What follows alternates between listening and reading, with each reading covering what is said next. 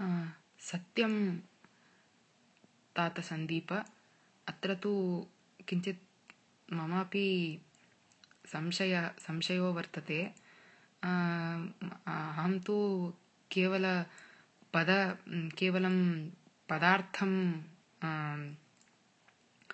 उक्तवती न तु तस्य तयोः भावार्थं यथा कपोलदानं नाम गण्डस्थलमदजलम् इति भवति।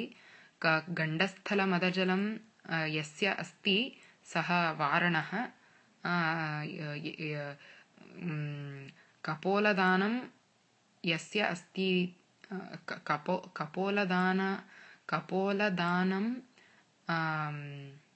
यस्य वारणस्य अस्ति सः कपोलदानवारणः तं कपोलदानवारणम् इति मया अर्थं स्वीकृतं. प्रायेण दोषः भवितुमर्हति.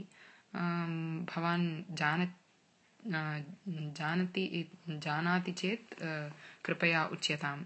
तथा पुराणवारणम् इत्युक्ते य प्राचीन अथवा पुराणकालेष्वपि यः वारणः आसीत् सः पुराणवारणः इति मया चिन्तितं दोष् दोषः भवितुमर्हति। जानाति चेत् कोऽपि कृपया उच्यताम्